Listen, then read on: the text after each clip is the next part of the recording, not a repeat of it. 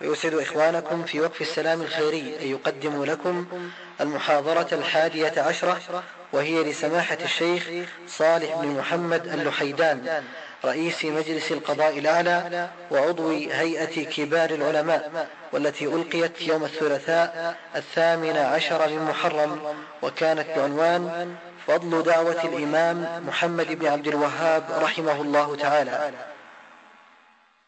السلام عليكم ورحمة الله وبركاته. إن الحمد لله نحمده ونستعينه ونستغفره ونعوذ بالله من شرور أنفسنا سيئات أعمالنا. من يهده الله فلا مضل له ومن يضلل فلا هادي له. وأشهد أن لا إله إلا الله وحده لا شريك له. وأشهد أن محمدا عبده وخليله ورسوله. أرسله رحمة للعالمين. أخرج به الناس من الظلمات إلى النور. دعا إلى الله على بصيرة. صلى الله وسلم عليه وبارك وعلى آله وصحابته. ومن اهتدى بهديهم واتبع سنتهم إلى يوم الدين وبعد. يقول الله جل وعلا ومن أحسن قولا ممن دعا إلى الله عمل صالحا وقال إنني من المسلمين الله سبحانه وتعالى خلق الخلق ليعبدوه. ما خلقهم ليتقوى بهم لم يخلقهم ليعز بهم ملكه أو يتسع بهم سلطانه. وإنما خلقهم لعباده كما قال جل من قائل وما خلقت الجن والإنس إلا ليعبدون. ما أريد منهم من رزق وما أريد أن يطعمون. إن الله هو الرزاق ذو القوة المتين. أرزاق الخلق كلهم تكفل بها جل وعلا وما من دابة في الأرض إلا على الله رزقها. خلق عباده خلق آدم وفضله تفضيلا فصار الناس على الهدى والنور من ذريته. حتى نبع الشرك وانفشى واقتضت حكمة الله وإحسانه بخلقه أن يرسل الرسل مبشرين ومنذرين. فما من رسول إلا ودعا قومه لعبادة الله وحده. لا شريك له. كل واحد منهم يدعو قومه لأن يعبدوا الله وحده. لا شريك له. وأتباع الرسل هم ورثة الأنبياء. حملة العلم. هم ورثة الأنبياء. وأعظم تراث بل تراث الأنبياء العلم الإلهي. وورثتهم يحملون العلم فيبصرون الناس. ومن كانوا قبلنا تسوسهم الأنبياء. كما جاء في الحديث الصحيح عن المصطفى صلى الله عليه وسلم أن بني إسرائيل كانت تسوسهم الأنبياء. كلما خلا نبي بعث الله نبي ولأن محمدا صلى الله عليه وسلم خاتم الأنبياء والمرسلين جعل الله علماء أمته صلى الله عليه وسلم يقومون في هداية البشر مقام أنبياء بني إسرائيل في بني إسرائيل. كل من درس النور وأظلمت جوانب الحياة وفش الشرك وخيم على الأرض الظلام الضلالات والبدع. هيأ الله جل وعلا داعية من دعاة الفلاح وحبرا من أحبار الملة. مجاهدا مخلصا مصلحا فيعيد الله جل وعلا بدعوته بإذنه تعالى.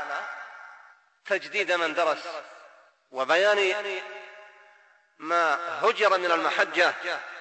ولا تخلو هذه الأمة. في عصر من العصور قرن من القرون من دعاة خير وحملة راية إصلاح ومبصرين للعباد. فإذا طالت الفترة نسيت المعالم أو غفل عنها. وسنة الكريم الأكرم جل وعلا أنه لا يترك عباده في غفلة تجتالهم الشياطين لأن الشياطين جادون في إضلال البشر. من شياطين الجن والإنس. وكانت جزيرة العرب ضحلة المعارف كثيرا من ربوعها يكاد يخلو من العلم وكانوا يفزعون في طلب العلم إلى الحرمين الشريفين وربما البعض إلى الأحساء. وكانت صلات متكررة من قلب الجزيرة تتصل بالشام. وهذا البعد عن الحواضر أعاد إلى الجزيرة في غالب ربوعها. ألوان من الإشراك وفشت فيها بدع متنوعة. ومن الضلالات وجود الشرك الأكبر في هذه الجزيرة. كما انتشر السحر والكهانة والعرافة والتعامل مع الجن. ولا ينفع الأمة ولا ينفع قطرا من الأقطار. إلا ما يقام فيه من دعوة يترسم الدعاة فيها سبيل محمد صلى الله عليه وسلم التي قال الله عنها لنبيه قل هذه سبيلي أدعو إلى الله على بصيرة أنا ومن اتبعني. وقال له ربه ادع إلى سبيل ربك بالحكمة والموعظة الحسنة وجادلهم بالتي هي أحسن. كانت هذه البلاد في وسط الجزيرة تابعة في فترة من الفترات للمدينة المنورة. ثم لوالي العراق في عهد الدولة الأموية. ثم لما تقلصت الخلافة العباسية وقطعت أوصالها صارت قرى نجد منها التابع لإمارة الأحساء. ومنها من له استقلال يسير ولاتها الظلم والطغيان والعبث. فالإشراف متفشي والحدود مهجورة والسحر منتشر والاستعانة بالجن كانت معلومة فكأن قلب الجزيرة قد خيم عليه إظلام قاتل. وكأن الله جل وعلا إذ ذكر لأحد أبناء هذه الجزيرة من يحمل راية التوحيد وينادي بدعوة الرسول فتقشع دعوته ظلمات الباطل ويقضى بها على معاقل الشرك والضلال. فكأن البلد قد هبت لها رياح مباركة فأثارت بإذن الله سحب الغيث. فهطلت في هذه الربوع.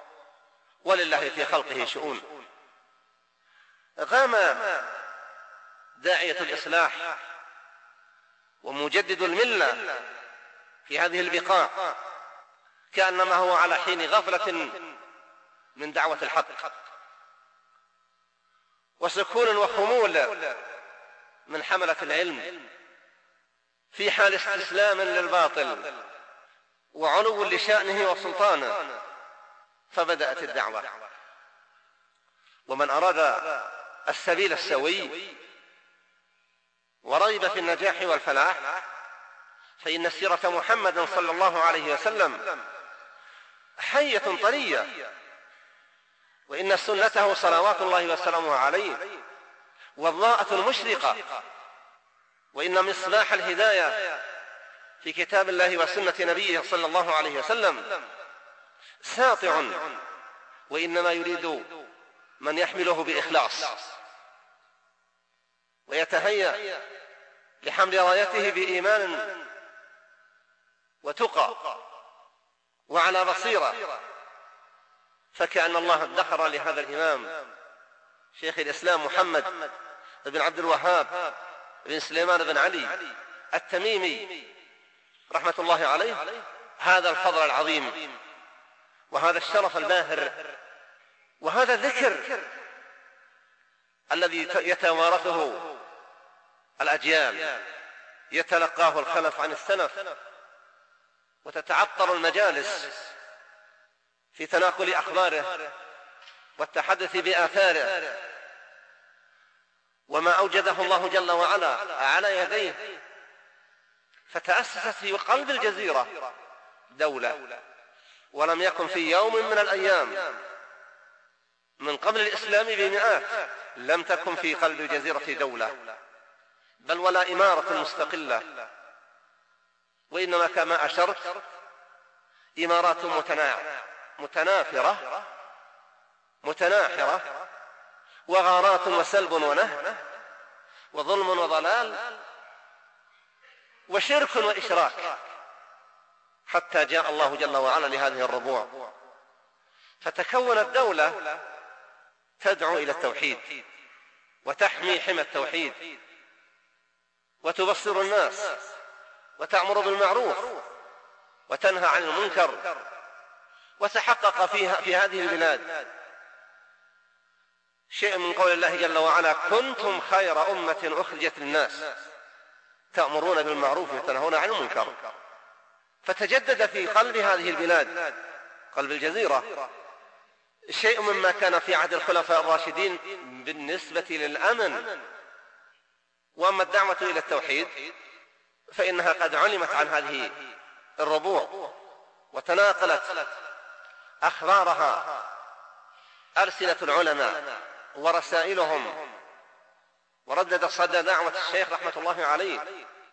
أهل أقاصي بلاد الإسلام في الغرب وعلماء الحديث في القارة الهندية والعلماء الصالحون في الأقطار الشامية في خارج هذه الجزيرة. فكان أسلوبه رحمة الله عليه في بث المعارف ونشر الهداية وتبصير الناس. السير على منهج محمد صلى الله عليه وسلم في دعوة التوحيد. لأن الشرك بالله لا ينفع معه عمل. فمهما صلى الإنسان وصام مهما تصدق وبذل مهما رفق بالناس وأحسن إذا كان باقيا على شيء من الشرك الأكبر لم ينفعه شيء. من مات على الشرك الأكبر قال فقد قال الله عنه إن الله لا يغفر أن يشرك به ويغفر ما دون ذلك لمن يشاء. وقال جل وعلا إنه من يشرك بالله فقد حرم الله عليه الجنة ومأواه النار وما للظالمين من أنصار. بدأت الدعوة الإسلامية السلفية التي هي على منهج النبوة بعدما بلغ الإمام شيخ الإسلام أشده. فإنه ولد في العام الخامس عشر بعد المئة والألف ولم تبدأ أمور الدولة إلا بعد الخمسين والمئة فكأنه ما بدأ إلا بعد أن بلغ أشده واستوى وبلغ أربعين سنة تقريبا أو زاد أو نقص قليل ولأن الباطل له جولات وصولات. ولأن من يستفيد من ضلال الناس وركوب مطايا الخرافات والبدع. يسوءه أن تنقطع أطماعه وتقطع آماله.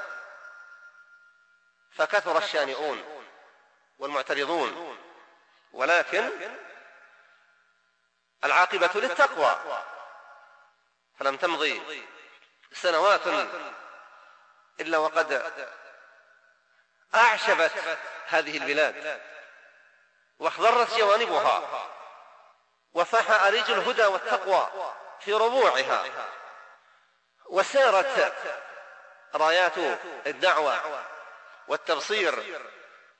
فلم تشارف المئة الثانية بعد الألف على الانتهاء إلا ودولة التوحيد. منيعة الجانب قوية السلطان. وجعل الله جل وعلا في دعوة الشيخ بركة باهرة. تلقاها العلماء وتربى على نهجها الطلاب ثم صاروا دعاة خير وحملة هداية ومعلمي بشرية.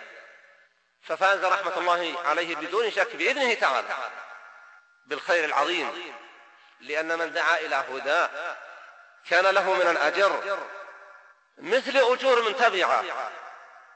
لا ينقص من أجورهم شيء كما ثبت ذلك في الحديث الصحيح. وبارك الله في ذريته. وبارك في حماة الدعوة. وسدنة أسوار وسدنة أسوارها. آل سعود فاستمر في الدولة. كل من حل عقدها انتظم من جديد بنفس هذه الدولة التي حمى أولها الدعوة وذاد عنها بالهيبة والسلطان والحزم والعزم والقتال عندما تدعو الأمور إليه. لأن من تمسك بالشرك وفزع إلى الجن ينهى فإذا لم ينتهي وجب قتاله. وإن قال لا إله إلا الله محمد رسول الله. لأنه لا بد من تحقيق التوحيد. وكانت كتب الشيخ رحمة الله عليه كأنما صيغت منهاجا للدعوة ونبراسا للسالكين وعدة وحجة للمتناظرين. ونحن في هذه الأزمنة إنما نتفيأ آثار وظلال تلك الدعوة. فإني كما قلت لم يكن لهذه البلاد سلطان في يوم من الأيام. يذكر ولا ملك يهاب حتى سار السلطان على منهج الدعوة. فقامت الدولة الأولى والثانية والثالثة التي نسأل الله جل وعلا ألا يزعزعها بالذنوب وأن لا يصدع أسوارها بأي مخالفات وخلافات. الناس ليس بينهم وبين الله عهد خاص. وإنما من اتقى ونصر الحق الذي بعث الله به رسوله وعظم شعائر دينه ونصر الحق وخذل الباطل حفظ. ولا ينصرن الله من ينصره. يا أيها الذين آمنوا أن تنصروا الله ينصركم ويثبت أقدامكم. لا شك أن هذه البلاد تميزت عن العالم كله من حيث الجملة بأن صار التوحيد صفة وصبغة هذه البلاد. لا أقول إن بلاد العالم خالية في بلاد الإسلام من موحدين وعلماء صالحين ولكن لم يكن في بلاد العالم الإسلامي كله شيوعا للتوحيد وانتشار لإخلاص العبادة واستنكار البدع بصفة عامة كما في هذه البلاد. وذلك فضل الله يؤتيه من يشاء.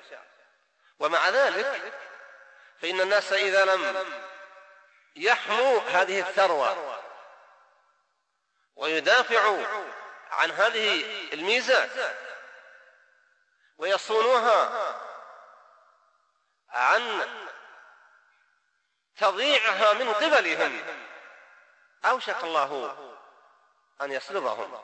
فقد قال الله من كانوا قبلنا وإن تتألوا يستبدل قوما غيركم. فنسأل الله أن لا يستبدلنا بغيرنا. وإنما نسأله أن يثبتنا بالقول الثابت في هذه الحياة الدنيا وفي الآخرة. إن الواجب على كل إنسان في هذه البلاد وفي غيرها أن يتقصد معرفة توحيد العبادة. وكتب الشيخ رحمة الله عليه وكتب أبنائه من أعظم ما يعلم الناس الصفاء هذه العقيدة من غير تعقيد ولا التباس.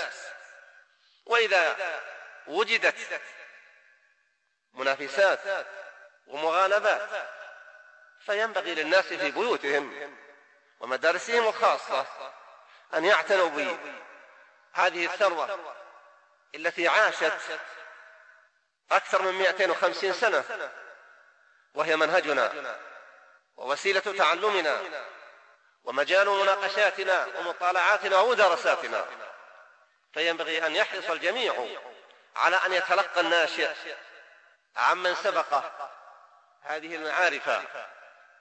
وأن يتعرف على سيرة حماة هذه الدعوة وحملة هذه الدعوة وأن هذا المجد الذي تعيشه البلاد ويعيشه أبناؤها من حكام ومحكومين وعلماء ومتعلمين إنما ساقه الله جل وعلا من فضله بسبب هذه الدعوة الصافية والعقيدة النقية وورود هذا المورد العذب الذي روافده الكتاب والسنة. هذه الأيام أو الأعوام الأخيرة كثر التحرش بالعقيدة وكما يقال تكلمت الرويبضة ورفع الأذلة المغمورون عقائرهم ورفعوا رؤوسهم. فعلينا أن نجتهد في سؤال الله ألا يقيم للباطل سلطانا. وأن لا ينصر من أراد نصر الباطل وأن يصون بلاد الإسلام في كل مكان عن كل ضلال ضلال وفتنة.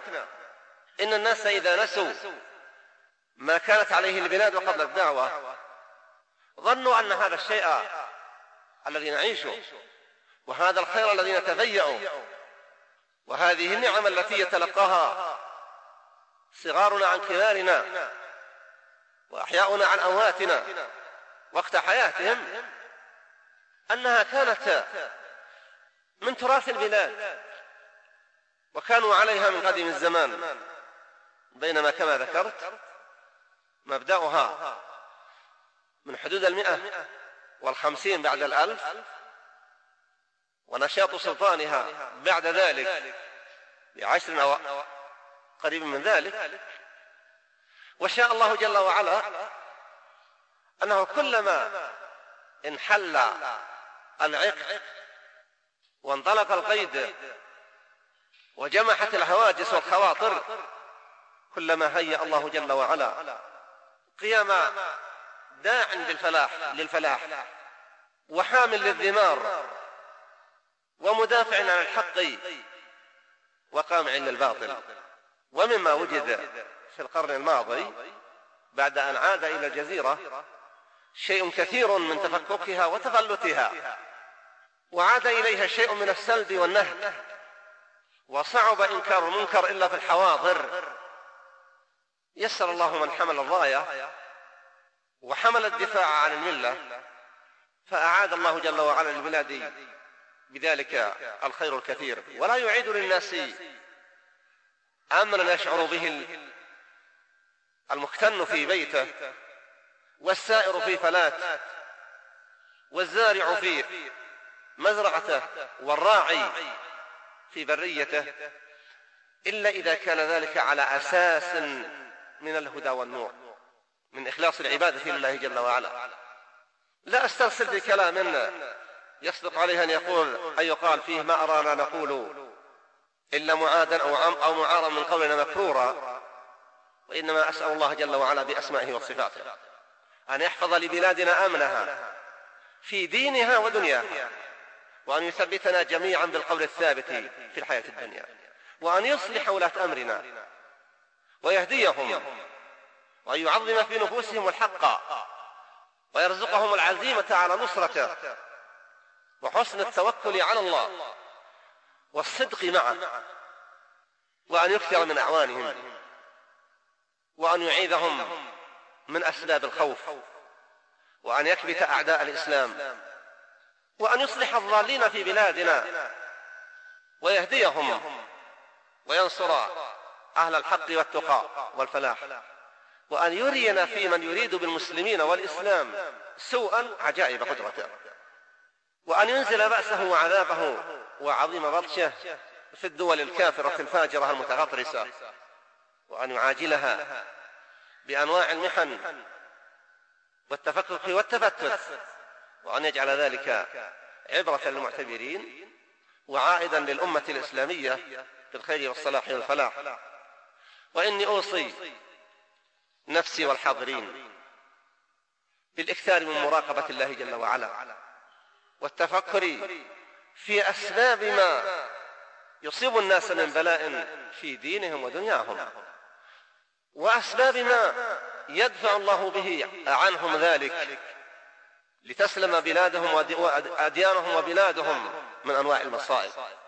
فإن الله جل وعلا لا يغير النعم والأمن والأمان إلا إذا غير الناس ما بأنفسهم كما أنه جل وعلا لا يغير الذلة والمذلة والرعب والخوف إلا إذا غير الناس ما بأنفسهم إن الله لا يغير ما بقوم حتى يغيروا ما بأنفسهم. ذلك أن الله لم يكن مغيرا نعمة أنعمها على قوم حتى يغيروا ما بأنفسهم. لا تغير ساعات الخوف ولا أوقات التفرق إلا بالاعتصام بحبل الله وحسن التوكل عليه. ولا تسلب النعم ولا تطيش الأفهام ولا يتسلط الولاة ولا يدخل في قلوبهم الخوف والذعر إلا بسبب التفريط من العامة والخاصة في كثير من الأمور. فأسأل الله بأسمائه وصفاته أن يصلح حالنا في هذا المكان جميعا وحال بلادنا في كل مكان وحال المسلمين في كل مكان. وأن يعاجل اليهود والنصارى وسائر طوائف الكفر من وثنيين وملاحدة بأليم عقابه. وآخر دعوانا أن الحمد لله رب العالمين صلى الله على نبينا محمد وآله وصحبه وسلم تسليما كثيرا. جزا الله الشيخ خير الجزاء وجعل ما قال في ميزان حسناته. وجعلنا جميعا ممن يستمع قولا فيتبع أحسنه إنه ولي ذلك والقادر عليه. نستأذن سماحته في عرض بعض الأسئلة عليه.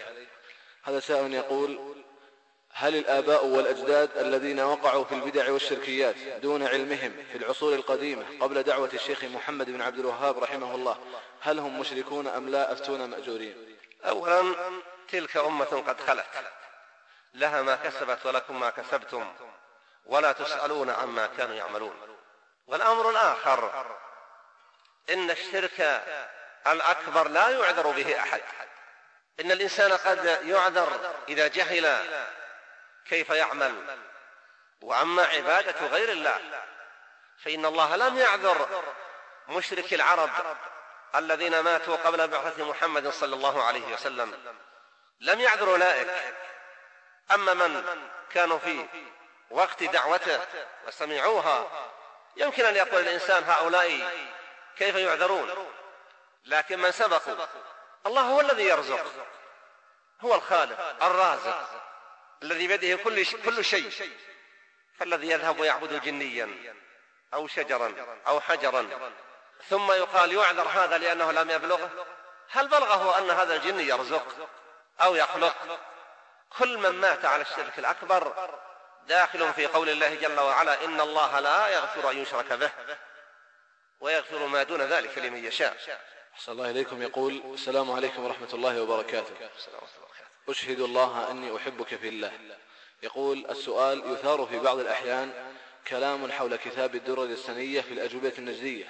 أرجو من سماحتكم البيان والتوجيه عن هذا الكتاب وجزاكم الله خيرا. أسأل الله أن نكون جميعا في هذا المكان من المتحابين في الله وأن ينفعنا ذلك عند الله يوم نلقاه. ثم لا أدري هل البلد كانت مقفرة لا علماء فيها. طيلة السنين التي مضت ورسائل علماء نجد مطبوعة مبثوثة ومتداولة وسارت شرقا وغربا وبلغت المغرب الأقصى وبلغت الهند والشام وتحدث المستشرقون عن هذه الدعوة وأبدى المنصفون منها أنهم أنها لو لم يوقف في طريقها لأعادت الإسلام مجده ثم تأتي ألسنة جاهلة أو التبس الأمر عليها. فتشكك. فهل كان علماؤنا ومشايخنا جهلة لا يفهمون؟ كانوا والله على قدر كبير من العلم والفهم والتقى والتجرد عن الهوى وكانوا يرجعون إليها. لا شك أنه لا عصمة لكتاب بعد كتاب الله جل وعلا. ولا عصمة لقول أحد من البشر بعد محمد صلى الله عليه وسلم ولكنها كتب مليئة بالخير طافحة بالاحتجاج بالسنة يلوح عليها الصدق والإنصاف والإخلاص. وإذا رأيتم أحدا يغمزها فاتهموه في عقيدته. وقديما قال ذاك وإذا أتتك مذمة من ناقص فهي الشهادة لي بأني كامل. نعم. أحسن الله إليكم. هذا سؤال جاء عن طريق الشبكة. يقول السائل هناك من يتعرض هناك من يعترض على إقامة ملتقيات ومحاضرات تحت مسمى منهج أئمة الدعوة في العقيدة والتوسل والنبوة والحديث والفقه والسياسة الشرعية والدعوة والتأليف إلى آخره. ويحتج بأن هذا يدعو إلى تحزيب المجتمع فما هو الحق في ذلك؟ أفيدون مأجورين. يروى عن الشافعي رحمة الله عليه أنه قال إن كان رفضا حب آل محمد فليشهد الثقلان أني رافضي. إن كان ذكر الدعوة الصافية وبيان معالمها للناس ليسيروا على المنهج وليتركوا الكتب التي تحمل اسم الدعوة وغالب أمرها الإدعاء. بيان الحق مطلوب والعصمة ليست لأحد من البشر سوى الأنبياء ودلالة الناس على كتب العلم النافعة ومنهج العلماء المصلحين الصالحين من إعانة الناس على سلوك طرق الفلاح والرشاد. ومن يقول هذا؟ هل يريد أن يكون مجتمع؟ مجتمعا لا يستنكر باطلا ولا يدعو إلى هدى. البلد فيها دعاة باطل وأنصار ضلال وحملة رايات الإلحاد. فهل يطلب بأن يسكت عن بيان الحق وطريق ذوي أهله لئلا يتفرق المجتمع. إن جمع المجتمع على طريق لاحد واضح جلي يؤدي بسالكيه إلى ساحل الأمان وبر النجاة من التعاون على البر والتقوى ومن, ومن النصح لله ولكتابه ورسوله وأئمة المسلمين وعامتهم. والله المستعان. سائل يقول سماحة شيخنا السلام عليكم ورحمة الله وبركاته. ما هو التعامل الأمثل تجاه كتاب الضلالة الذين يكتبون في صحفنا ويتكلمون في وسائل الإعلام والذين يلمزون دعوة الشيخ ويلمزون في الدين كله؟ أفتونا مأجورين وأثابكم الله خيرا. يروى فيه بالنسبة للإمام أحمد بن حنبل رحمة الله عليه يقول وإذا رأيت لأحمد متنقصا فاعلم بأن ستوره ستهتك اللي يلمز دعوة الشيخ لا يلمزها عن علم ومعرفة. وإنما عن حقد على الدعوة الصحيحة السلفية. وأما وسائل الإعلام فلا شك أن لها جماحات سيئة وجموح ضار. ونسأل الله أن يوفق ولاة الأمر لتقييد جموحها ومنعها من إرباك الناس ورفع أسواء إعلاء أسماء دعاة الضلال. أحسن الله إليكم. يقول السلام عليكم ورحمة الله وبركاته. وبعد. فكيف يرد على من ادعى أن الإمام محمد بن عبد الوهاب رحمه الله أول أول من خرج على الدولة العثمانية في تلك الفترة وجزاكم الله خيرا؟ الدولة العثمانية أول ما قامت دعوة الشيخ الدعوة السلفية التي ما هي إلا أخي الكريم هنا انتصف الشريط. التي ما هي إلا تجديد لفكر الإمام مالك والشافعي وأحمد ومن سبقهم من خيار سلف هذه الأمة. هو لم يأتي بجديد رحمة الله عليه وإنما نشر ما كان مغفولا عنه وأعلن ما كان مسكوتا عنه. وهذا مما ميزه الله به جل وعلا. والدولة العثمانية في ذلك الوقت كان يسميها الغرب الرجل المريض لأنها في شبابها كان أول مؤسسيها ليسوا على الملة. ثم أسلم من أسلم ثم صارت في مسماها العام دولة إسلامية. وجاهدت ونشرت الإسلام في أوروبا. ومع ذلك سقطت الأندلس. وكان بإمكان الدولة العثمانية لو شاءت لأن ذلك في أوج عزها. أن تدافع عن الأندلس ولكنها لم تفعل. لأنها وضع والله أعلم كان الظاهر من حالها أنها دولة سلطان وتوسع بالملك ولكن صاحبها انتشار الإسلام في أوروبا. وأما أنه أول من خرج فلا شك أن نجد ومن سار على المنهج الذي سارت عليه أول إقليم في ذلك الوقت خرج عن سلطان الدولة العثمانية. لأن الشرك الأكبر لا يستنكر في وقتها. والأضرحة تشيد على الأموات. ولا يقتل إنسان دعا بالشرك الأكبر أو يلزم. فقامت الدعوة السلفية ونشأت الدولة السعودية في أواخر المئة الثانية. وامتد سلطانها في أوائل المئة الثالثة إلى أن قامت قائمة الدولة التركية. واستعانت بمحمد علي باشا والي مصر في المسمى أنه تبع الدولة وهو يريد أن يكون امبراطورا. والغرب ضاق ذرعا بقيام الدولة السلفية لأن الدعوة الصافية هي التي يوشك أن تضايق الغرب. لكن لو كان أول من خالف الدولة فإذا خالف الدولة وخرج عليها لإقامة التوحيد وتحكيم الشريعة ورجم من يستحق الرجم وقطع من يستحق قطع اليد. كان ذلك شرفا له. ولا شك أن الله جل وعلا أعطاه من الشرف فوق ذلك. نعم. أحسن الله إليكم. يقول في هذا الوقت المدلهم بالفتن بدأنا نسمع أصوات الرويبضة يطعنون يطعن يطعنون في منهج أئمة الدعوة ويدعون إلى أمور كثيرة كتحرير المرأة, كتحرير المرأة تغيير المناهج ونحو ذلك. فما رأيكم بأن تتبنى هيئة بار العلماء إصدار بيان في هذه الطعون الظالمة والرد العلمي المعهود عن الهيئة؟ وجزاكم الله خيرا. نسأل الله جل وعلا أن يهيئ لنا جميعا من أمرنا رشدا وفرجا وأن يذل الباطل وأهله وأن يقمع أهل الضلال. يقول النبي صلى الله عليه وسلم أن لهذا الدين إقبالا وإدبارا. فنسأل الله أن لا يكون وقتنا هذا وقت إدبار لهذا الدين. أرجو أن تكون هذه الأصوات التي ارتفعت أن تكون كما قال ذلك الشاعر ضفادع ظلماء بليل تجاوبت فدل عليها صوتها حية البحر. أن يسلط الله عليهم عاجلا غير آجل. يقول أحسن الله إليكم هل يجوز كتابة اسم الشيخ المجدد على كتبه بهذه الصفة وهي محمد بن سليمان التميمي بدون ذكر والده وهو عبد الوهاب وذلك بحجة قبول الناس للحق؟ إذا إذا فرض أن هذا ينفع فلا حرج فإنه ابن سليمان. وقد قال النبي صلى الله عليه وسلم أنا النبي ولا كذب أنا ابن عبد المطلب. ولما جاء سائل قال أيكم ابن عبد المطلب؟ قال النبي أنا ابن عبد المطلب. مع أن والده عبد الله فالجد أب.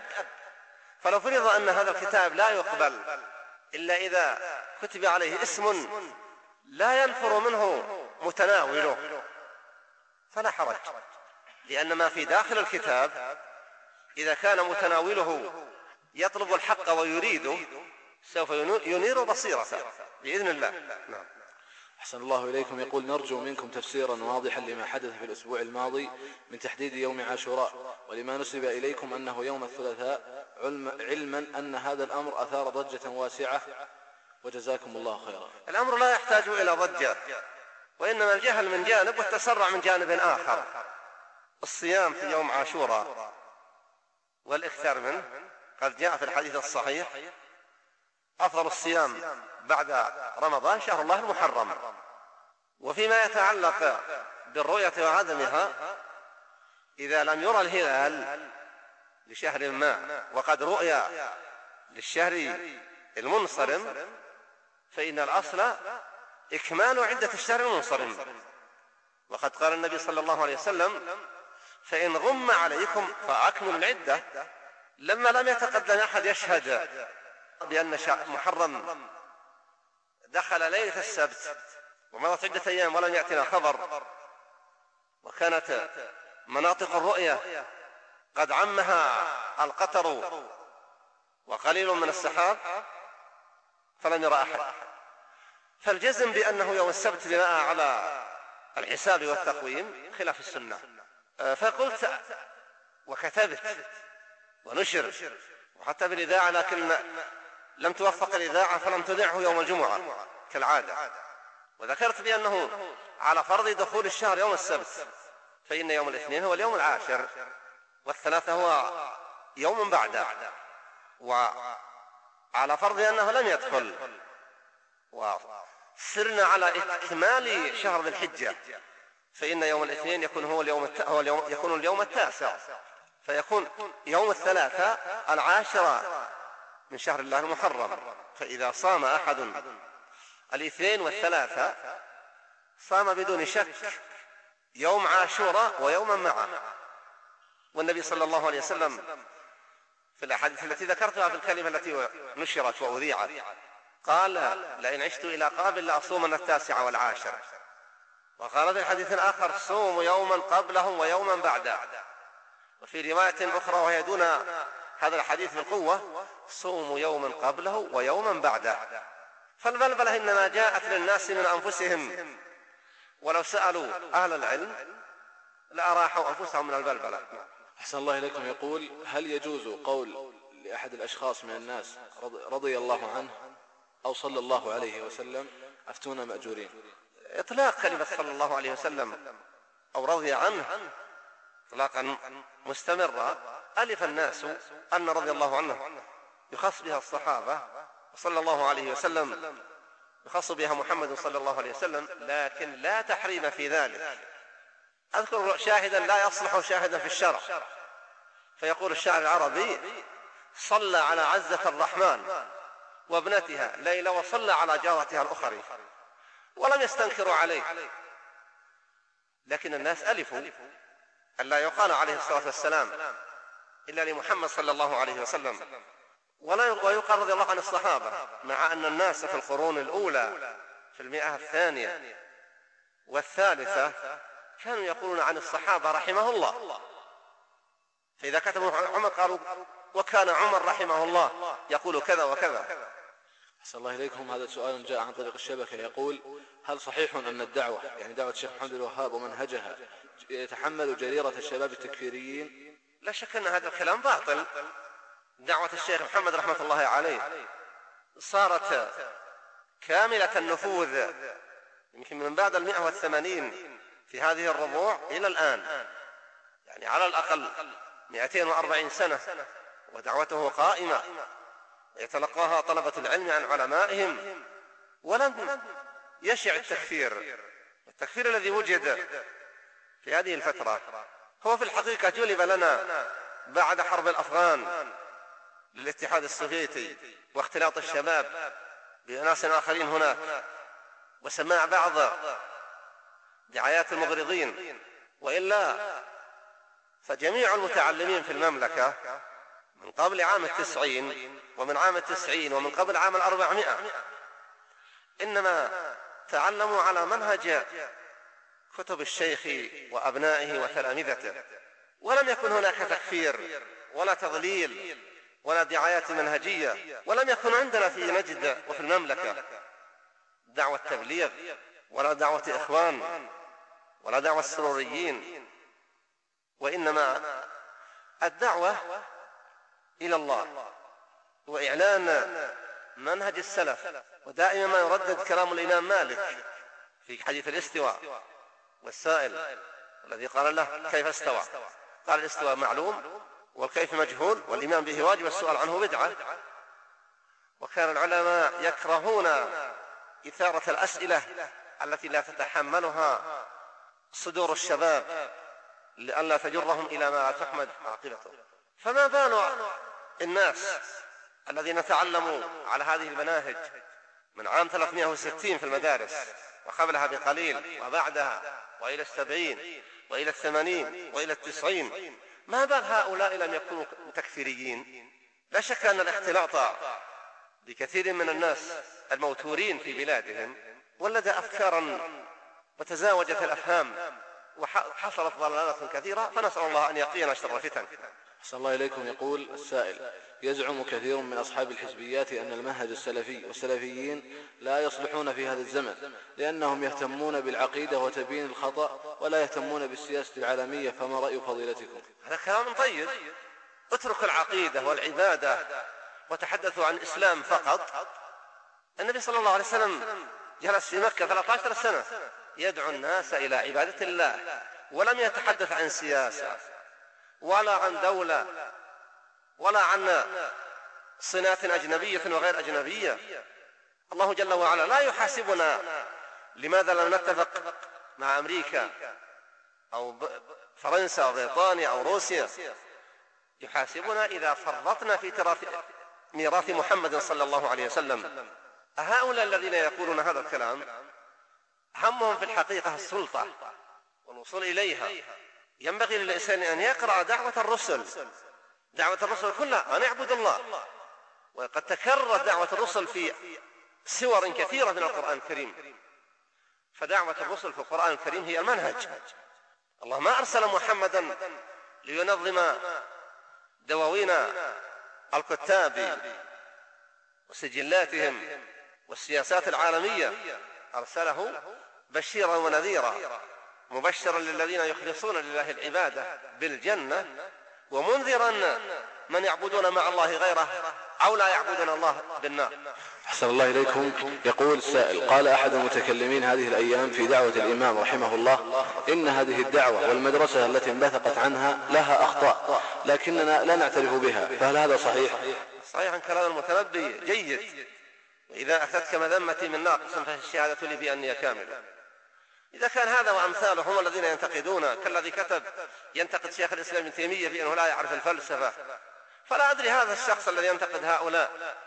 الأئمة الأقطاب الذين شهد لهم فحول العلماء بالتقدم والتبرع والتبريز الهائل. إذا كان ناشئ في هذا العصر ثقافته من صحافة وجرائد أو مجالس لا تحمل تأصيلا ولا دليلا. هو الذي ينتقد. فكما قال ذاك لقد هزلت. حتى بدأ من هزالها كلها وحتى سامها كل مفلس. إذا كان هذا هذه الألسنة وأمثالها تنتقد دعوة الشيخ ومنهج علماء الإسلام. فهذا دليل البوار عند هؤلاء. لم يستطيعوا مجاراة العلم في ميدان العلماء مجاراة العلماء في ميدان العلم فأرادوا أن يتنقصوا ليظن أنهم فحول يروى قصة أدبية أن في عهد سيف الدولة جاء شخص وجعل ينتقد شعراء الجاهلية بأنهم غلطوا في أشعارهم. وإن المناسب أن يذكر مع الخمر ما يناسبها وأن لا يذكر الخمر مع القتال. فأعجب سيف الدولة ومن معه. بهذا العالم الجليل فعلم المتنبي فجاء ورد عليهم وأخزاهم فقام الرجل مفلسا هاربا من المجلس. إذا تكلم بالعلم من لا يحسنه وتشدق وسمعه من يجهل الأمر ظن أن هذا الرجل جريء وهذا المتحدث اللسن الذي يخبط خبط عشوة أنه رجل الدنيا وواحدها. والله المستعان. يقول السائل انتشرت في هذه الأزمنة دعوة آثمة تدعو إلى التقريب مع الرافضة والذي يرفع هذه الدعوة ممن يحسبون من الدعاة. فما هي نصيحتكم لهؤلاء؟ عسى الله أن يهديهم إلى ما فيه رضاه ونرجو منكم تبين خطأ الرافضة والله وجزاكم الله خيرا. أما التقارب بحيث يترك الرافضة عقيدتهم ويوالي من ويوالون من يوالون أبا بكر وعمر وعثمان وصحابة محمد صلى الله عليه وسلم ويشهدون لعائشة بالبراءة ويؤمنون بأن القرآن لم يحرف وأن من قال بتحريفه كفر وأن من اتهم عائشة بالزنا كفر. إن أرادوا يتقربون إلينا بترك هذه الأمور كلها وأنهم يكفر من فعل فنحن نفرح بهم. وأما أن نتقرب إليهم فنسكت عن بيان الحق ونقول نحن إخوان. فلا شك أن هذا هو الضلال المبين. ومن يدعو إلى السكوت عن بيان الحق وعن السكوت عن رد الباطل هذا لا يدعو إلى خير وإنما يدعو إلى ضلال. أحسن الله إليكم. يقول لا شك أن العلاقة بين العلماء والأمراء تقوم على أساس متين من على أساس متين من التناصح والنظر في مصالح العباد في دينهم ومعاشهم. فما رأيكم في استعمال مصطلح الفقهاء السياسيين إذا أريد به أنه لا علاقة أنه لا علاقة بالشريعة في السياسة. لا أعرف أن هذا مصطلح معترف به ومعتبر فقها. وما دمت لا أعرف أن هذا مصطلح له اعتبار فلا داعي للجواب عنه. أحسن الله إليكم. يقول هل دعوة الإخوان المسلمين امتداد لدعوة الشيخ محمد بن عبد الوهاب؟ لا. دعوة الإخوان المسلمين إنما هي أشبه بالدعوة السياسية فهم لا يستنكرون التصوف ولا ينكرون على بناء القبور في القرافة. ولم أعلم ولم أسمع أن أحدا منهم استنكر البناء على القبور في مصر أو ذهب يحذر الناس من زيارة من يسمونها السيد البدوي. ولا أعرف أنهم وقفوا عند مسجد الحسين وأنكروا ومنعوا الذين يطوفون بالقبر. لا أعرف هذا الشيء عنهم. فهم في الحقيقة ليس امتدادا لدعوة الشيخ. نعم. أحسن الله إليكم. هذا سائل يقول هناك من يثير شبهات, شبهات حول إقامة الحدود في هذه البلاد وأنها لا تطبق أو أن تطبيقها قليل فما تعليقكم؟ هذا القائل هل اطلع على ما يصدر من المحاكم الشرعية؟ من أحكام؟ وهل اطلع عليها حتى تصل إلى نهايتها وعلم أن حدودا لا تقام حتى يتكلم بهذا الكلام؟ ألا يعلم أن الحدود تدرى بالشبهات؟ وأن الإنسان إذا ثبت عليه موجب الحد بإقراره فتراجع لا يقام عليه الحد ويدرى عنه برجوعه الحد. ينبغي للإنسان أن لا يقفو ما ليس له به علم وأن لا يذكر إلا ما يعلمه يقينا. فإن من حسن إسلام المرء تركه ما لا يعنيه وكفى بالمرء إثما أن يحدث بكل ما سمع. الواجب على المسلم أن يحسن ضبط لسانه. فلا يتكلم إلا بما علم حصوله وعلم انتفاء أي اعتذار يقبل شرعا. في السابق قد تمر السنوات لم تقطع يد في المملكة. فيما بين عام الثمانين والتسعين لا أعلم أنه أقيم حد الرجم إلا مرة واحدة في المملكة. ولا قطع سوى يد اثنين أو ثلاثة. فهل في ذلك الوقت كانوا يعطلون الحدود في هذا الوقت أكثر من ذلك الوقت. المسلم ينبغي له أن يتثبت عندما يقول كلاما. وقد قال النبي صلى الله عليه وسلم لمعاذ بن جبل بعدما بين له قال ألا أدلك على ملاك ذلك؟ كله قال بلى. فأمسك صلى الله عليه وسلم بلسان نفسه وقال أمسك عليك هذا. قال وإنا لمؤاخذون لما نتكلم به بأسئلتنا قال ثكلتك أمك يا معاذ. وهل يكب الناس؟ في النار على مناخرهم أو قال على وجوههم إلا حصائد ألسنتهم. أحسن الله إليكم يقول السائل فضيلة الشيخ ظهر في هذا الزمان الدعوة للحوار الوطني من علمانية ورافضية وقبورية صوفية وأهل سنة حركيين وغيرهم فما حكم الشرع في مثل هذه الدعوات؟ وهل هو مثل حوار الأديان وعرض الحق والباطل للتناقش للتناقش؟ أفتون مأجورين. لا شك أنها بادرة غير محمودة. وأنه عمل غير مناسب. والناس مضت عشرات السنين ولم يوجد هذا وكان من سبقنا خير منا من علماء وحكام. فنسأل الله جل وعلا أن يحق الحق ويبطل الباطل. نعم. أحسن الله إليك. هذا سؤال جاء عن طريق الشبكة. يقول السائل العناية بالتوحيد تعلما وتعليما من الأصول التي قامت عليها دعوة الإمام محمد بن عبد الوهاب كما هو منهج الأنبياء والرسل قبله. فهل يتفق هذا مع من يقول إن العقيدة يمكن تعليمها في عشر دقائق؟ نعم صدق في هذا. يمكن تقول لإنسان قل لا إله إلا الله محمد رسول الله فيتعلم في دقيقة هذه. لكن عاد يحتاج إلى أن يعرف مضاداتها. ومبطناتها في وقت أطول. الإنسان يمكن أن يقول أريد أن أبني هذا البيت من عشرين طابقا. في كلمة. وأما تنفيذ البناء فيحتاج إلى وقت. أحسن الله إليكم. يقول هل التحذير من الجماعة الضالة وغيرهم من أهل البدع يكون من الجهاد في سبيل الله؟ بيان الحق وكشف الباطل وتعريف الناس بدعاة الفساد والإلحاد. ابتغاء مرضات الله من الجهاد في سبيل الله. نعم.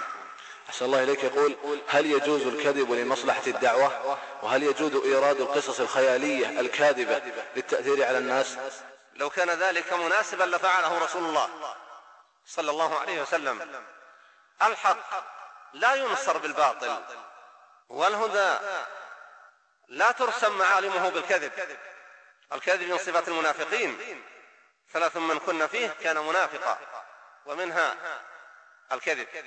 الدعوة إلى الدعوة إلى الله. وبيان طريقها أمر ميسر لا نحتاج فيه إلى كذب ولا إلى قصص خيالي بل في القصص الحقيقي. ما يغني عن القصص الخيالي لأن قصص الخيال كذب. والله لم يجعل لم يجعل نصرة هذا الدين بالكذب.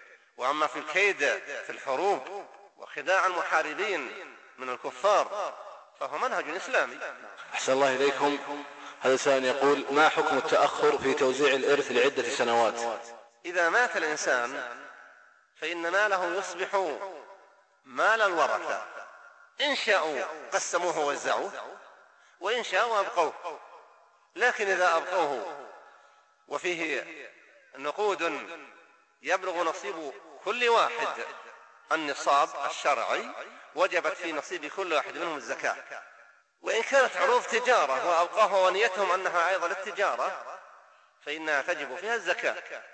إذا كان نصيب كل واحد يبلغ المقدار الذي يزكى. نعم. أحسن الله إليكم. يقول هل يجوز للأبناء توزيع, توزيع إرثهم فيما بينهم بدون الرجوع إلى المحكمة؟ لا حرج في ذلك.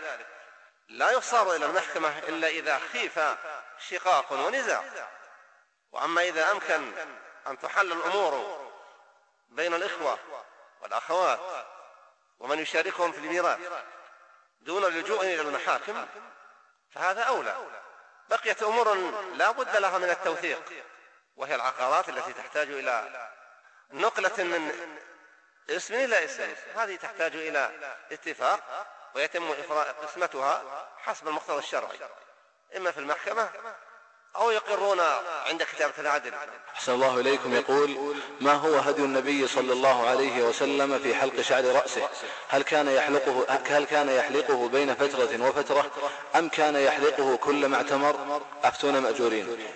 كانت العرب تعتني بتربية شعور رؤوسها وكانوا يرون الحلق مثلة إلا في حال حج أو عمرة. ولذلك لما وصف النبي صلى الله عليه وسلم الخوارج ذكر أن من سيماهم التحليق يحلقون رؤوسهم. كان النبي صلى الله عليه وسلم يربي شعر رأسه وكانت له جمة تضرب إلى كتفيه وكان يدهن غبا ويكتحل وترا. ولهذا لما جاء الحلق تمنعوا لا يحبون أن يحلقوا رؤوسهم. فقال النبي صلى الله عليه وسلم اللهم اغفر للمحلقين قالوا ولا المقصرين قال اللهم اغفر للمحلقين. فقالوا وللمقصرين فقال في الثالثة بعد أن قال اللهم اغفر للمحلقين قال وللمقصرين كانوا يحبون أن يقصروا من شعورهم لأنهم كانوا يربون شعورهم. وكان بعضهم يجعلها قرونا ضفائر وبعضهم يجعلها جمة. تضرب إلى تحت الأذنين وربما نزلت إلى الكتفين وكانوا يعتنون بها. ولذلك في الحديث رب أشعث أغبر. والرجل الذي جاء من نجد ثائر الرأس إن لم يعتني بتسريح شعره. فكانت هذه عادة العرب. ولما انتقل النبي صلى الله عليه وسلم إلى المدينة وجد اليهود يسدلون شعورهم وكان يحب أن يتألفهم لأنهم أهل كتاب فسدل أول ما ذهب إلى المدينة. ثم رجع وترك ذلك وعاد إلى ما كان عليه قومه من فرط الشعر على وسط الجبين. وبالمناسبة كان العرب بالنسبة للنساء يرون من تجعل فرقة مائلة أن تلك المشطة مشطة الزواني البغايا. بمجرد ما ترى المرأة ماشطة المشطة الميلة يعلم أنها ممن يفعل الزنا. وأما الفرقة التي عليها العرب وفعلها النبي صلى الله عليه وسلم واستمر عليها بعد أن سدل رجع إليها فهي فرق الشعر مع وسط الجبين. أحسن الله إليكم. يقول سماحة الشيخ ذهبت أنا ووالدي لأداء فريضة الحج لهذا العام وبعد طواف الوداع ذهب والدي ليتسوق. قال له بعض الإخوة الذين معه لا يجوز لك أن تتسوق بعد طواف الوداع فهل هذا صحيح أم لا؟ أفتون مأجورين. أما شراء بضائع للتجارة فقد قال النبي صلى الله عليه وسلم بالنسبة للحج اجعلوا آخر عهدكم بالبيت. اختلف العلماء بالنسبة للعمرة. هل يجب لها وداع أو لا؟ فالحاج إذا وادع ينبغي أن يكف عن الشراء إلا ما كان يحتاجه في سفره. وأما شراء حاجات التجارة ونحو ذلك ينبغي أن يعتني بذلك قبل الوداع. أحسن الله إليكم. يقول ما حكم الإيداع في البنوك الربوية؟ أفتونا مأجورين.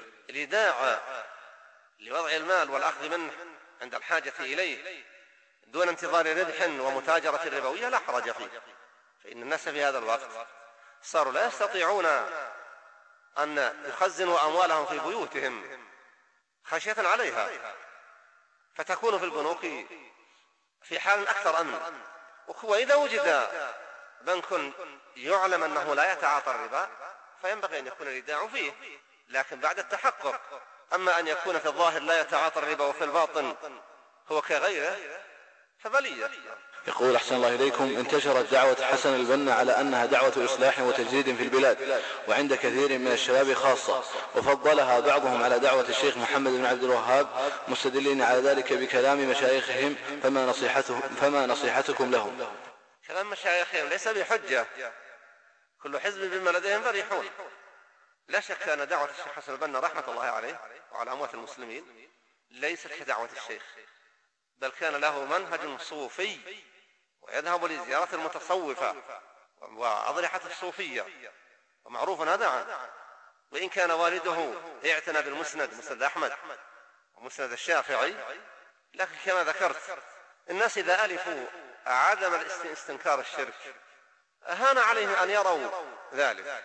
وحسن البنا وشيخ الإسلام محمد بن عبد الله كلهم راحوا والذي سيحاسبهم الله جل وعلا. أحسن الله إليكم. يقول سماحة الشيخ ما حكم من يقوم بإطفاء الأنوار في المسجد في صلاة التراويح والقيام في رمضان؟ ويقول بأن الظلام يجلب الخشوع للقلب الناس يختلفون. البعض يستوحش صار المسجد مظلما والتنطع الزائد ينبغي أن يجتنب والقلب الخاشع لا تؤثر عليه المصابيح. واستنان شيء لا دليل عليه نوع من البدع. وقد قال النبي صلى الله عليه وسلم من عمل عملا ليس عليه أمرنا فهو رد. وفي رواية من أحدث في أمرنا هذا ما ليس منه فهو رد. أحسن الله إليكم. يقول ما حكم التصوير بآلة الفيديو؟ التصوير للفائدة والعلم بالأجهزة. الآلات لا يظهر لي فيه التحريم. التحريم ما كان من تصوير بالريشة والقلم والفرشة والصياغة والنحت والنجارة. هذه التصاوير كلها محرمة والتحريم مغلظ. وفي الحديث أشد الناس عذابا يوم القيامة هم مصورون. وأما فيما يتعلق بالآلة والتصوير الذي يكون للمصلين في الحرم فليس هذا من التصوير المحرم. توضع هذه الآلة على على الجدار وتصور كل من مر دون أن يشتغل إنسان في التصوير. لا يظل التحريم إلا أن أني أرى أنه لا يجوز تصوير النساء ولا تصوير الصور التي قد تؤول إلى الشرك. خشية الاعتقاد. فإن أول شرك وقع في الأرض بسبب تصوير الرجال الصالحين الذين كانوا في قبل نوح عليه السلام. أحسن الله إليكم. يقول هل صاحب الشرك الأصغر؟ حكمه حكم صاحب الكبيرة أنه تحت مشيئة الله إن شاء عذب وإن شاء غفر له؟ الذنوب الكبيرة أعظم من الشرك الصغير. الشرك مؤثر على التوحيد لكن الشرك الأصغر كالريا ونحوه لا يكون محبطا للأعمال. والشرك الأكبر محبط للأعمال لئن أشركت لا يحبطن عملك. فأصغر الشرك أعظم من كبائر الذنوب كالزنا والسرقة. والله المستعان. أحسن الله إليكم. يقول هل يجوز أن أخذ الزكاة من عمي؟ نعم يجوز إذا كنت محتاجا من أهل الزكاة. وعمك لا يلزمه أن ينفق عليك. جاز لك أخذ الزكاة منه لكن لا يجوز لعمك أن يحابيك في الزكاة. أن يعطيك الزكاة لأنك ابن أخيه وهو يعلم أن غيرك يعرف من هو أحوج منك لها. فإن الزكاة حق الفقراء. لا يحل للمزكي أن يتصرف فيها بالهوى وإنما يتصرف فيها بما يرى أنه الأصوب والأقرب لمراد الله. أحسن الله إليكم. يقول هل صلاة المرأة في بيتها أفضل أم صلاتها في المسجد الحرام؟ بل صلاتها في بيتها أفضل. مكة شرفها الله كلها حرم صلاة المرأة في بيتها مضاعفة بمئة ألف صلاة. ولكن في مسجد النبي صلى الله عليه وسلم الأفضلية لمسجده صلوات الله وسلامه عليه. ومع ذلك أمر النبي صلى الله عليه وسلم بين أن صلاة المرأة في بيتها أفضل من صلاتها في المسجد. نعم. أحسن الله إليكم. يقول قيل عن, عن صاحب كتاب إحياء علوم الدين أنه مات تائبا وعلى صدره صحيح البخاري. هل هذا صحيح؟ والله لا لم أطلع على هذا لكن لن نحاسب عنه. نسأل الله أن يغفر للمسلمين لكل أموات المسلمين الذين ماتوا على كلمة لا إله إلا الله. نعم. هذا سائل يقول فضيلة الشيخ وفقه الله السلام عليكم ورحمة الله وبركاته. هناك بعض النساء تخرج من بيتها دون علم زوجها لقضاء بعض الحاجات اليسيرة فهل عليها شيء؟ أفتون مأجورين. إذا كانت تعلم أنه لا يغضب لو علم فلا حرج. وإن كانت تعلم أنه لو علم غضب فإنه لا يجوز لها. نعم. والسلام عليكم ورحمة الله وبركاته.